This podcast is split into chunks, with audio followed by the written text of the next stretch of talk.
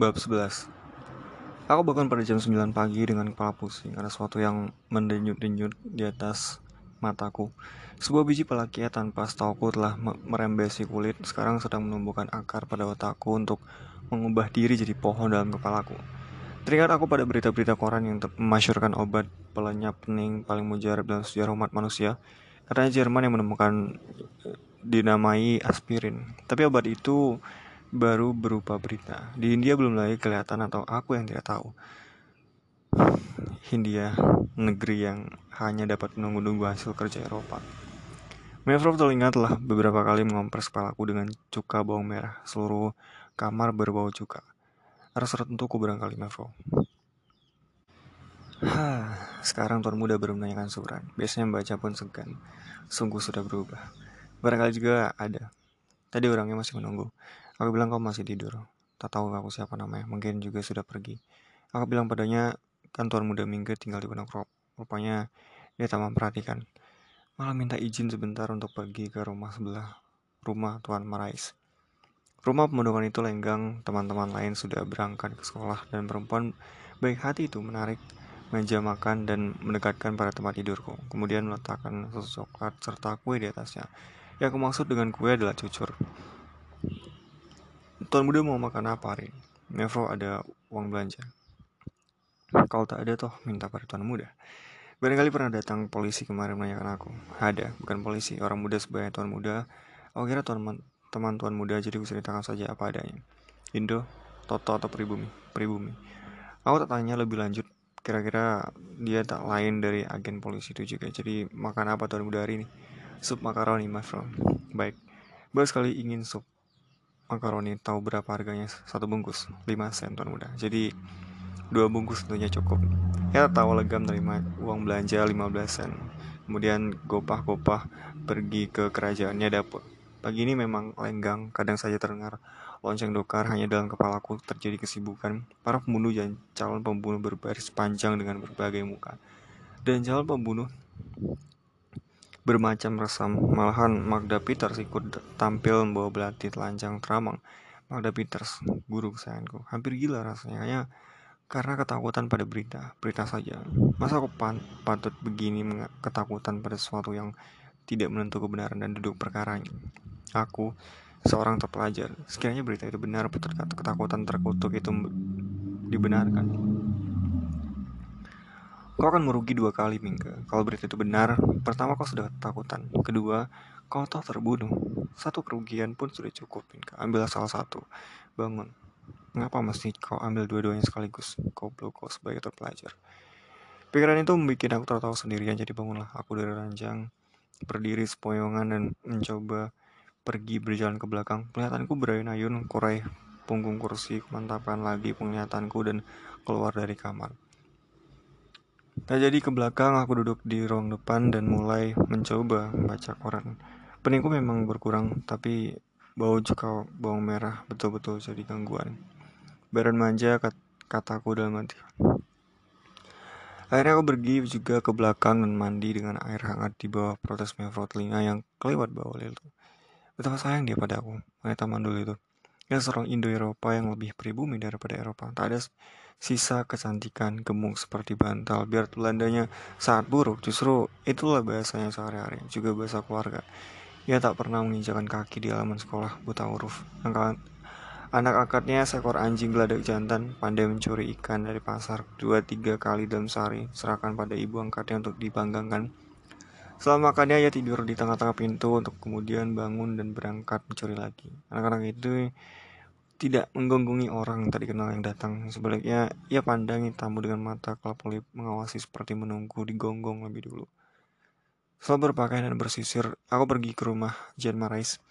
Gambar Ibu Mei dalam adegan perlayan itu belum juga selesai. Nampaknya ia sedang berusaha mengerjakan sebaik mungkin.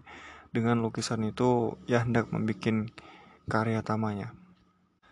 Mei duduk di pangkuanku dengan manjanya. Ia rindu tak bertemu denganku dalam beberapa hari belakangan ini. Biasanya aku bawakan ya gula-gula. Sekarang tak ada sesuatu pun dalam kantongku. Kita tak jalan-jalan om. Kat sedang tak enak badan Mei. Kau pucat nih. Kejar Marais menegur dalam Prancis. Tak aku perhatikan. kata Mei dalam Prancis pula. Kemudian bangkit dari pangkuan dan memandangi aku. Benar, Om pucat. Kurang tidur jawabku. Siap punya hubungan dengan Nokroma ada saja yang menimpa dirimu, Mingke. Tegur Jen. Dan kau tak lagi cari order baru selama ini. Kalau kau tahu pengalamanku selama ini, Jen, kau tak akan sampai hati bicara seperti itu, sungguh. Kau dalam kesulitan lagi tudungnya. Matamu tidak mem tidak tenang begitu, tidak seperti biasanya. Masa mengetahui orang dari matanya? Mei, coba belikan rokok.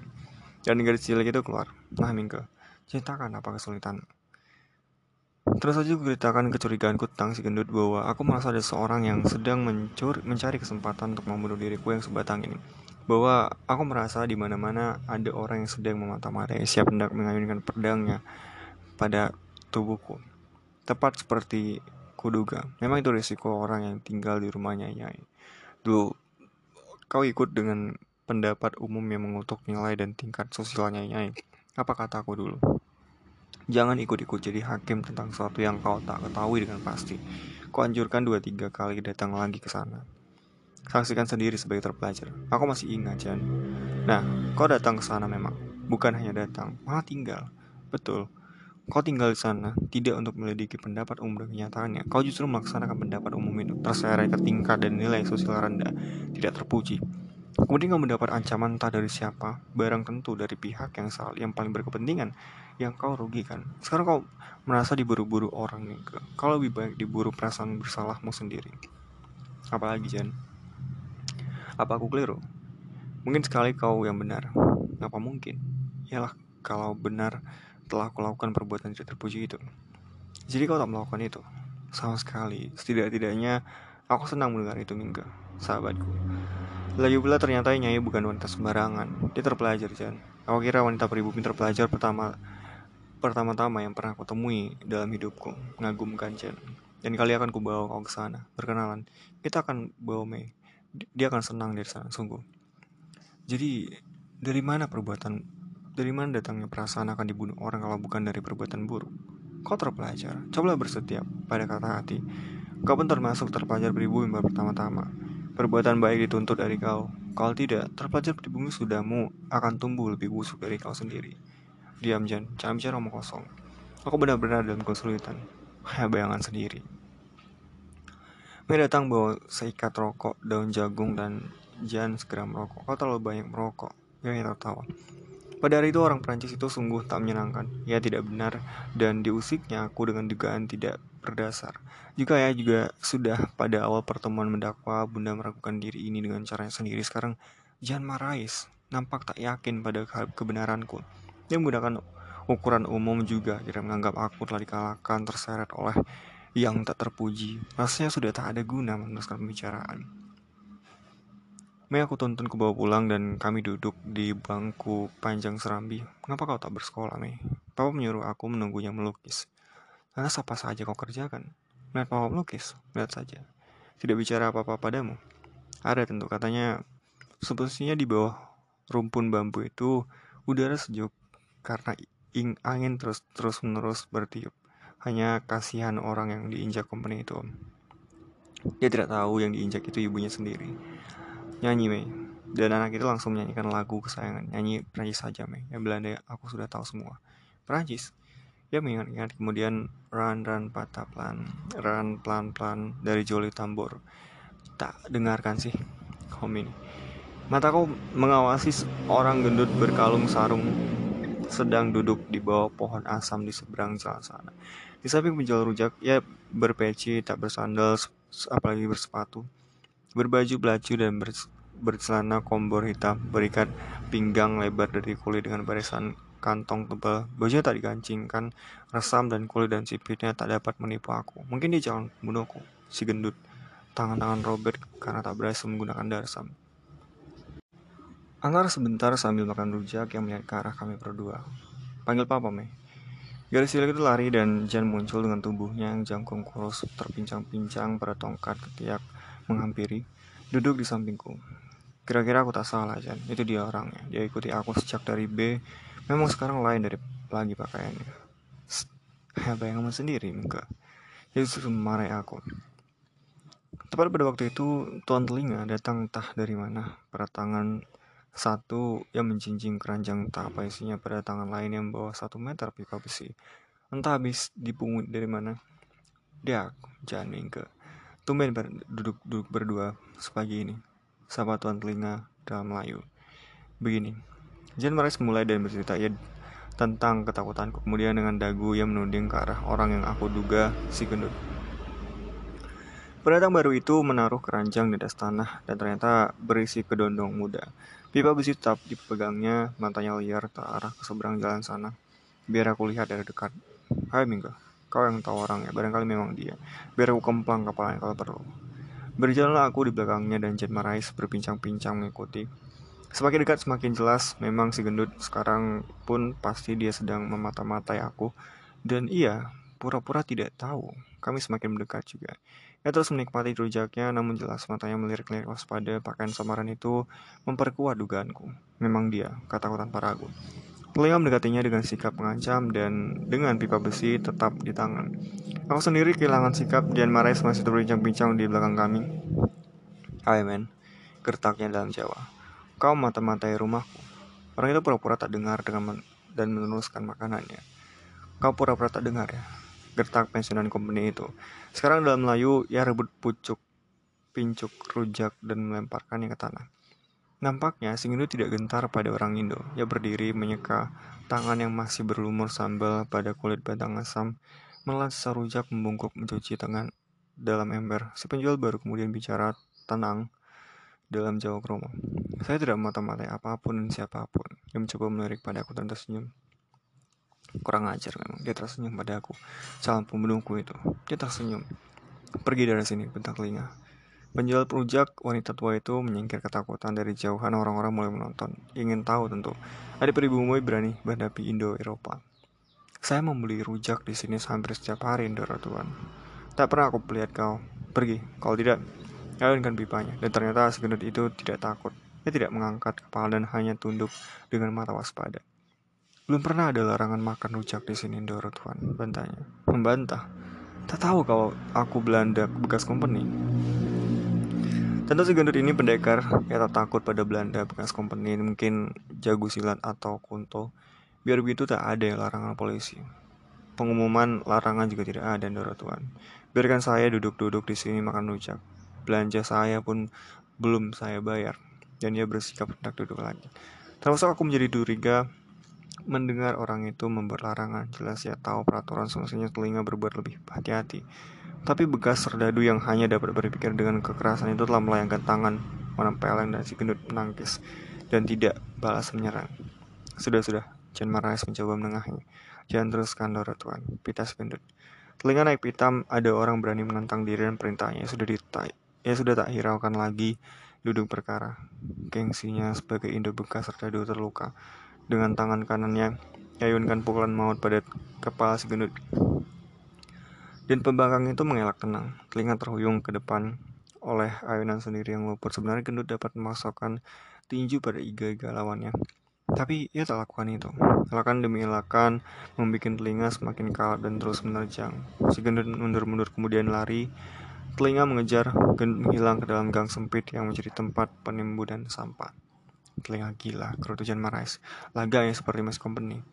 Yang digerutui masih terus memburu juga hilang ke dalam gang. Buat apa semua ini? Mari pulang Mingga. Kau lebih biang kali ini. Dia menyalahkan aku. Dia menolak aku papa. Mei dan Mevro telinga gopah-gopah menyambut dan menanyakan apa yang sedang terjadi.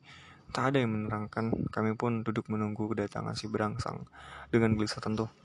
Sepuluh menit kemudian tuan telinga muncul bermandi keringat, maka muka kemerahan dan napas tersengal-sengal. Ia rubuhkan diri di kursi malas dari kain tenda. Jan, tegur istrinya. Bagaimana kau ini? Lupa kau kalau invalid, cari-cari musuh. Apa kau kira kau masih muda? Gadis suaminya merampas besi dari tangannya dan membawanya ke dalam. Tuan telinga tak bicara dan seakan sudah terjadi persetujuan rahasia antara kami. Tak ada yang lebih menyesal dari diriku. Dalam hati aku bersyukur tidak terjadi sesuatu drama. Jika merasa beruntung tak pernah menyampaikan cerita dari Sam, benar-benar aku bisa jadi biang keladi. Tuan muda masih sakit, seru Mevro dari dalam. Jangan duduk berangin-angin, tidur lebih baik. Sebentar lagi makan siap. Pulang saja kau Mei. Perintah Jan dan Mei pulang. Kami bertiga duduk, duduk diam-diam sampai telinga mendapatkan napas kembali. Lupakan saja peristiwa tadi. Aku mengusulkan. Oh, kalau sampai jatuh tangan polisi dan berlarut, benar-benar aku bilang kali memalukan. Kepalaku pening lagi, Chen. Maafkan Ton Tinggal, Chen. Di dalam kamar, aku semakin yakin memang si gendut sedang memata-matai aku. Jelas dia tangan kanan Robert. Cerita Darsam harus kuterima bukan sebagai omong kosong hati-hati kau, diri. Untuk pertama kali pintu kunci dari dalam pada siang hari begini juga jendela sebatang tongkat kayu keras bekas tangkai pel lantai kusediakan di pojok. Setiap waktu akan dapat koreksi setidaknya setidaknya sekalipun masih tingkat kelas kambing, aku pun pernah belajar berdiri di T dulu. Sebagai terpelajar kenyataan ini harus kuterima. Ada seorang menginginkan nyawaku dan melapor pada polisi tidak mungkin tidak bijaksana menyulitkannya ya, analis ayah yang baru diangkat jadi bupati dan terutama bunda. Semua harus dihadapi dengan diam-diam tapi waspada. Empat hari sebelumnya peningkut belum juga hilang. Memang kurang tidur dan setiap pagi susu kiriman terus juga datang. Tetap tak ada berita dari Dasam. Rasanya sudah terlalu lama aku tak masuk kelas. Dokter memberi sertifikat untuk tiga minggu. Buah palakia dalam kepala tumbuh jadi pohon tanpa seizin diriku sebagai pemilik tunggal dan sah. Betul kau, pohon palaki dalam kepala. Memang harus lupakan Nyai dan Alis, hubungan harus putus, tak ada guna, kesulitan saja buahnya. Tanpa mengenal keluarga seram dan aneh itu pun, hidupku tidak merugi. Tidak kena kusta, aku harus sembuh. Cari order seperti sedia kala, nulis untuk orang, menamatkan sekolah sebagai yang diharapkan baik orang. Bagaimanapun, aku masih suka bersekolah bergaul secara terbuka dengan semua teman bebas menerima ilmu baru yang diadakan habisnya dan menampung segala dari bumi manusia ini. Dulu sekarang dan yang akan datang. Pada akhir bulan datang Geoffroy Magda Peters akan buka diskusi menyeluruhi bumi manusia dari segala seginya yang mungkin. Dan aku sakit begini. Liburan darurat ya, segumpal waktu yang padat dengan ketegangan, kadang terpikir, sudah perlukah diri semudah ini dibuntingi ketegangan intensif semacam ini? Karena aku jawab sendiri, belum perlu. Jufro Magda pernah bercerita tentang pengarang Multatuli dan sahabatnya, penyair wartawan Norda Van Esinga. Mereka hidup dalam ketegangan intensif karena kepercayaan dan perjuangan intensif dan pribadi untuk meringankan nasib bangsa Hindia Pendidikan bangsa serba Eropa dan serba pribumi sekaligus dalam pembuangan untuk bangsa-bangsa Hindia yang tidak mengenal sesuatu tentang dunia. Mingga, tanpa sahabat datang menengok, tanpa tangan terlalu memberita, memberikan bantuan, baca syair Roda Van Eisinga menggunakan nama santon, hari terakhir Olan dari Jawa. Itu. Setiap katanya padat dengan ketegangan dari satu dari satu individu yang berseru-seru memperingatkan. Multatuli dan Van Eisinga mengalami ketegangan intensif karena perbuatan besar dan ketegangan yang mengisa aku sekarang hanya salah tingkah seorang gini aku harus melepaskan analis harus dan harus bisa. Dan hati ini tak juga mau dia diyakinkan. Daerah cantik itu dan nyai pribadi mengagumkan dan mengesankan itu. Seorang ratu pemilik daya sihir ya ya suka tak kurang puji benci tak kurang salah Lambat-lambat tapi pasti aku lah mengerti. Segala ketegangan ini hanya akibat keogahan membayar karcis untuk masuk ke dunia kesenangan. Dunia di mana impian jadi kenyataan Latuli dan Vanessa nggak hanya membayar karcis. Mereka tak mengendaki sesuatu untuk diri sendiri. Apa arti tulisanku dibandingkan dengan karya mereka? Dan aku mengharapkan dan bernafsu mendapatkan segala untuk diri sendiri. Memalukan. Ya, harus lepaskan alis. Adeyo, mabele. Selamat berpisah, impian untuk takkan bertemu kembali, kapan dan di mana pun. Ada sesuatu yang lebih penting daripada hanya kecantikan seorang darah dan kewibawaan seorang nyai. Tak ada guna mati tanpa arti, dan nyawaku, dan tubuhku, modal utama dan salah satunya. Keputusan itu memerosotkan memerosotkan sang, sang pening, biarpun tidak sekaligus memang begitu hukum penyakit datang mendadak pergi bermalas.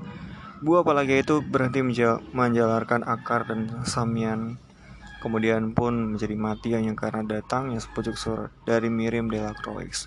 Tulisannya lembut dan kecil-kecil, rapi. Tulisnya, sahabat. Tentu kau sudah sampai di Surabaya dengan selamat. Menantikan beritamu, tapi tak juga kunjung tiba. Jadi aku yang mengalah. Jangan kau heran, Papa mempunyai perhatian besar terhadapmu. Sampai dua kali ia bertanya, ada atau belum surat dari kau? Papa ingin sekali mengetahui kemajuanmu. Sungguh, ia terkesan oleh sikapmu. Kau, katanya orang jauh dari jenis lain terbuat dari bahan lain. Seorang pemula dan pembaru sekaligus. Dengan senang hati aku tulis surat ini, malah merasa mendapat kehormatan dapat menyampaikan pendapat Papa. Mir Sarah katanya lagi pada kami. Begitu kiranya wajah Jawa nanti yang terasuki peradaban kita. Tak ada lagi melata seperti cacing kena matahari. Maaf Mingke. Kalau papa menggunakan perbandingan sekasar itu, ya tak bermaksud menghina. Kota marah bukan? Jangan, jangan marah sahabat. Tak pikiran jahat pada papa maupun kami berdua terhadap pribumi apalagi terhadap pribadimu. Papa merasa iba melihat bangsa Jawa yang sudah sedemikian dalam kejatuhannya. Dengarkan kata Papa lagi. Sekalipun tak menggunakan perbandingan kasar tersebut. Tahu kalian apa yang dibutuhkan bangsa cacing ini? Seorang pemimpin yang mampu mengangkat derajat mereka kembali. Kau dapat mengikuti aku, sahabat. Jangan terburu gusar sebelum memahami pintaku. Tidak semua orang Eropa peserta dan penyebab kejatuhan bangsamu. Papa misalnya, sekalipun seorang asisten presiden, tidak termasuk golongan itu. Memang ia tidak bisa berbuat apa-apa sebagaimana halnya aku ataupun Sarah. Sekalipun ya, sekalipun ingin sekali kami mengulurkan tangan. Kami hanya menduga tahu pasti apa pasti kami lakukan. Kau sendiri suka pada Multatuli, bukan? Nah, pengarang yang diagungkan oleh kaum liberal itu memang sudah sangat berjasa pada bangsamu. Iya, Multatuli. Di samping domin domine Baron van Hoovel itu dan seorang lagi yang barangkali saja gurumu lupa menyampaikan yakni Rurda van Elsinga. Hanya saja mereka tidak pernah bicara pada bangsamu, cuma ada sebangsanya sendiri. Yakni Belanda. Mereka minta perhatian pada Eropa agar memperlakukan bangsamu secara patut. Sahabat, segala apa yang telah mereka lakukan untuk bangsamu pada akhir abad 19 ini sudah termasuk gaya lama, kata Papa. Sekarang ini, menurut Papa lagi, pribumi sendiri yang harus berbuat sesuatu untuk bangsanya sendiri. Karena itu kalau dulu kita bicara tentang usaha Dr. Snock Frogronje sama sekali bukan suatu kebetulan. Sarjana tersebut menempati kedudukan terhormat dalam penilaian keluarga kami. Kami memuji asosiasi, asosiasi yang justru kau tertawakan itu. Jadi mengertilah sahabat, mengapa papa hanya punya perhatian padamu. Memang belum pernah papa dan kami berdua menemui orang Jawa seperti kau, sikapmu, katanya, sepenuhnya Eropa telah terlepas dari ajaran budak Jawa dari zaman kekalahan semenjak orang Eropa menginjakan kaki di bumi kelahiran. Dimaksudnya dalam gudang kami, dalam gedung kami yang besar dan lenggang ini apabila papa tidak lelah sekala kali mendengarkan uraiannya tentang nasib bangsamu yang pernah melahirkan beratusan dan beribu pahlawan dan pemimpin dalam usaha menghalau penindasan Eropa. Seorang demi seorang dari mereka jatuh, kalah, tewas, menyerah, gila, mati dalam kehinaan, dilupakan dan pembuangan. Tak seorang pun pernah menenang, memenangkan perang. Kami dengarkan dengan terharu, juga ikut menjadi jengkel dengan kelakuan para pembesarmu yang menjuali konsesi pada company untuk kepentingan sendiri sebagai pertanda kekeroposan watak dan jiwanya. Pahlawan-pahlawan dan cerita papa bermunculan dari latar belakang penjualan konsesi, begitu terus-menerus berabad-abad dan tidak mengerti bahwa semua itu hanya ulangan dari yang sudah-sudah. Semakin lama semakin kecil dan semakin kerdil dan begitulah kata papa. Satu bangsa yang telah mempertaruhkan jiwa raga dan harta benda untuk sekumpal pengertian abstrak bernama kehormatan. Mereka dikodratkan kalah kata papa dan lebih mengibat mengibankan mengibarkan lagi karena mereka tak mengerti tentang kodratnya. Bangsa besar dan gagah perwira itu terus juga mencoba mengangkat kepala dari permukaan air. Dan setiap kali bangsa Eropa memperosokkan kembali kepala yang ke bawah, bangsa Eropa tidak rela melihat pribumi menjengungkan kepala pada udara melihat keagungan ciptaan Allah. Mereka terus berusaha dan terus kalah sampai tak tahu lagi usaha dan kekalahannya sendiri. Menurut Papa, kodrat umat manusia kini dan kemudian ditentukan oleh penguasanya atas ilmu penguasaannya atas ilmu dan pengetahuan. Semua pribadi dan bangsa-bangsa akan tumbang tanpa itu. Melawan pada pada yang berilmu dan pengetahuan adalah menyerahkan diri pada mau dan kehinaan. Maka Papa menyetujui asosiasi. Hai itu satu-satunya jalan yang baik untuk pribum. Ia mengharapkan juga kami berdua Kau kelak duduk setingkat dengan orang Eropa, bersama-sama memajukan bangsa dan negeri ini, sahabat. Permulaan itu kau sendiri sudah mulai. Pasti kau bisa memahami maksud kami. Kami sangat mencintai ayah kami. Ia bukan sekedar seorang ayah, juga seorang guru yang memimpin kami melihat dan memahami dunia. Seorang sahabat yang masuk, yang masak, dan berisi. Seorang administrator yang tak mengharapkan keuntungan dari keluh kesah bawahan. Mari aku ceritai kau tentang kata-katanya setelah kau pulang dari kunjunganmu yang pertama. Kau sendiri pergi dengan hati mangkal atau sebal, bukan? Kami dapat mengerti karena kau belum mengerti maksud kami. Papa memang sengaja meninggalkan kau agar kau bisa bicara bebas dengan kami, tapi sayang, kau bersikap begitu kaku dan tegang. Begitu kau pergi, Papa menanyakan pendapat kami tentang kau. Pada akhirnya, Mingka marah. Sarah melaporkan Dr. Snock Horgrenje dan asosiasinya yang sudah 300 tahun ketinggalan. Jadi tepat seperti kau katakan, Papa terkejut dan terpaksa mendengarkan keterangan lebih jauh dari aku. Kemudian Papa bilang, dia bangga sebagai orang Jawa, dan itu baik selama dia punya perasaan harga diri sebagai pribadi maupun sebagai anak bangsa. Jangan seperti bangsanya pada umumnya. Mereka merasa seperti bangsa tiada tara di dunia ini bila berada di antara mereka sendiri. Begitu dekat seorang Eropa seorang saja sudah melata. Bahkan mengangkat pandang pun tak ada keberanian lagi. Aku setuju dengan pujian untukmu. Selamat untukmu sahabat Kemudian sahabat, dari gedung wayang orang mulai terdengar suara gamelan. Sudah lebih dua tahun ini papa menyuruh kami memperhatikan musik menurut pengucapan bangsamu itu. Kami memang sudah lama belajar mendengarkan dan menik dan mungkin sudah bisa menikmatinya, katanya lagi. Perhatikan, semua nada bercurahan rancak menuju dan menunggu bunyi gung gitu dalam musik Jawa, tapi tidak begitu dalam kehidupan yang nyata. Karena bangsa yang mengibarkan ini dalam kehidupannya tak juga mendapatkan gungnya seorang pemimpin, pemikir yang bisa memberikan kata putus. Sahabat, aku minta dengan amat sangat kau sudi memahami ucapan yang takkan kau dapatkan dari siapa pun kecuali ayahku itu. Jika tidak dari sarjana besar Snokor Gerinja, maka kami bangga punya ayah seperti dia. Papa yakin kau suka pada gamelan lebih daripada musik Eropa karena Kau dilahirkan dan dibesarkan dalam ayunan gamelanmu yang agung itu. Minke sahabatku, di mana gerangan gung Jawa di luar gamelan dalam kehidupan nyata ini? Kalau itu bakalnya, gung yang agung itu, bolehkah kami berdoa untukmu? Dengarkan gamelan itu, kata papa lagi. Begitulah berabada berbelakangan ini dan gung kehidupan Jawa tak juga tiba. Gamelan itu lebih baik menyanyikan kerinduan suatu bangsa akan datangnya seorang mesaya. Merindukan tidak mencari dan tidak melahirkan. Kami tersendiri menerjemahkan kehidupan kejiwaan Jawa yang ogah mencari, hanya berputar-putar mengulang seperti doa dan mantra, memendamkan, mematikan pikiran bawa orang ke dalam ke alam lesu yang menyesatkan. Tidak ada pribadi. Itu tanggapan dari seorang Eropa, sahabat. Satu orang Jawa takkan punya tanggapan demikian. Kata papa lagi. Kalau dalam 20 tahun mendatang dia masih tetap begitu tanpa perubahan, ialah tanda bangsa ini masih tetap tak mendapatkan mesayanya. Aduh sahabat, bagaimana gerangan wajah bangsamu yang menyebabkan sekarang ini pada 20 tahun mendatang? Pada suatu kelak, kami akan pulang ke Netherlands. Aku akan bergerak di lapangan politik mereka. Cuma sayang sekali, Netherlands belum membenarkan seorang wanita jadi anggota Tweede Kamer. Aku punya impian, sahabat Sekiranya kelak sudah tidak demikian lagi dan aku menjadi yang terhormat anggota di kamar, aku akan banyak bicara tentang negeri dan bangsamu. Kalau aku datang ke Jawa pertama-tama akan ku dengarkan kembali gamelanmu. Gamelan yang indah dan kesatuan bunyi tiada duanya itu. Kalau temanya tetap saja satu dambaan tanpa usaha itu berarti belum ada yang saya datang atau dilahirkan. Artinya juga, kau belum muncul jadi gung, atau memang tiada seorang Jawa pun akan muncul yang akan tenggelam terus dalam curahan nada-nada ulangan dan lingkaran setan. Kalau ada terjadi perubahan, aku akan cari kau, khusus untuk mengulurkan tangan hormat padamu. Sahabat, 20 tahun, itu terlalu amat lama dalam zaman yang menderap berlumba ini. Juga cukup panjang biarpun dilihat dari hidup seorang.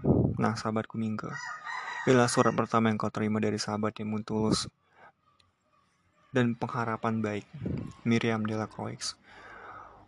Waktu aku lipat surat itu, ketahui air mataku telah meninggalkan becak biru di sana sini, melelehkan tinta. Mengapa aku menangis membaca surat seorang gadis yang baru dua kali kutemui dalam hidupku? Bukan sanak, bukan saudara, bahkan bukan sebangsa. Dia berpengharap atas diriku dan diri ini. Justru sedang kacau karena salah tingkah sendiri dia menghendaki aku berharga dari bangsa aku sendiri, bukan bangsanya. Benarkah ada Tuli dan Val Elsinga gaya baru? Bagaimana harus menjawab surat ini seindah ini? Sedang aku sudah merasa diri seorang pengarang pula. Telah dipuji Tuan Martin Jiman, kepala redaksi SN Aku merasa kecil untuk mendapat mengimbangi pikiran Miriam, namun kepaksa juga menulis jawaban terima kasih dan tak lebih dari terima kasih dalam curahan kata begitu banyak. Barangkali juga seperti curahan dari Jawa yang rancak menuju dan menunggu gung dalamnya aku nyatakan keherananku betapa Multatuli dan Van Elsinga yang baru saja aku kenang-kenang ternyata disebut dalam suratnya. Mungkin tulisku karena kita hidup dalam arus zaman liberal yang sama, arus zaman yang sama. Dan surat itu kuakhiri dengan Miriam yang baik. Beruntung aku mendapatkan seorang sahabat pada dirimu. Aku tak tahu apa yang akan terjadi pada 20 tahun mendatang. Aku sendiri tak pernah punya perasaan akan menjadi gung. Menjadi gendang pun tak pernah terimpikan. Tak pernah terpikirkan. Mungkin tak akan terpikirkan sekiranya terdatang suratmu yang indah mengharukan itu. Lebih-lebih lagi karena datangnya bukan dari sebangsa aku sendiri. Damai dan sejahtera untukmu, Miriamku yang tulus. Semoga jadilah kelak seorang yang terhormat anggota Twi dari kamera. Kutelungkupkan muka pada meja, surat Miriam keresapkan, mencoba untuk takkan melupakan seumur hidup persahabatan ternyata indah. Dan peningku merosot dan merosot, kemudian lenyap sama sekali entah ke mana. Miriam kau bukan sekedar mengirimkan surat, lebih dari itu. Ajimat pelenyap tegang. Kalau saja kau tahu mendadak ini, aku merasa berani dan dunia jadi lebih terang dan gemilang, jadi lagung, terdengar bergaung-gaung. Tuan muda, aku angkat kepala, melihat orang di depanku sekaligus kepala kiri dalam kepala kembali menjalankan akar dan semian. Lebih bersemangat, dia tersam. Maaf Tuan Muda nampaknya sangat terkejut sampai begitu pucat. Aku mencoba tersenyum mata melirik pada parang dan tangannya. Dia sendiri tertawa ramah sambil membelai kumis. Tuan Muda curiga pada aku katanya. Padahal Darsam ini sahabat Tuan Muda. Jadi ada apa? Kayak aku pura-pura tak tahu sesuatu. Surat dari Nyai. Noni sakit keras. Aku terbeliak. Ya masih juga berdiri di seberang meja di, diulurkannya surat itu.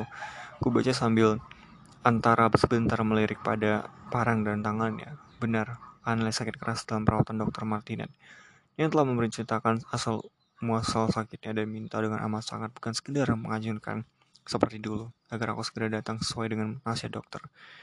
Kata dokter Martinet, tanpa kehadiranku analis tidak punya harapan untuk sembuh. Baju dia akan semakin melarut. Mari tuan muda, kono kromo, sekarang juga. Kepalaku mendenyut seperti hendak pecah tegak tegakku meliung segera kurai ujung meja tatap pendekar itu dengan pandang goyang Darsa menangkap bahuku jangan khawatir Senyor Robert tidak bakal bisa ganggu Darsa masih tegak berdiri mari Miriam Delacroix lenyap meruap, hilang dari peredaran. Kekuatan sihir dari Wonokromo menguasai segala. Dalam papahan Darsam, kaki ini membawa diriku ke Bendi yang telah menunggu. Tidak minta diri dari orang rumah. Langkahku terhenti, aku panggil-panggil Mevro telinga, pamit nak pergi. Ia berdiri di pintu dan nampak tak ber bersenang hati. Jangan lama-lama Tuan Muda pesannya. Kesehatanmu. Tuan Muda akan segera baik di Wonokromo. Jawab Darsam. Takut pada permunculan yang seram, Mevro tak menambahi kata-kata yang mana barang-barangnya tuan muda. Aku tak menjawab dan tak tahulah aku apa dalam perjalanan di atas bendi itu aku pingsan atau tidak. Yang aku ketahui hanya karena ajakan Robert Surhoff semua terjadi. Melibatkan banyak orang dan menegangkan hidupku yang semudah ini. Sedang yang kudengar hanya satu suara, satu kalimat keluar dari mulut pendekar saudara itu. Bendi dari kode ini milik tuan muda sejak sekarang.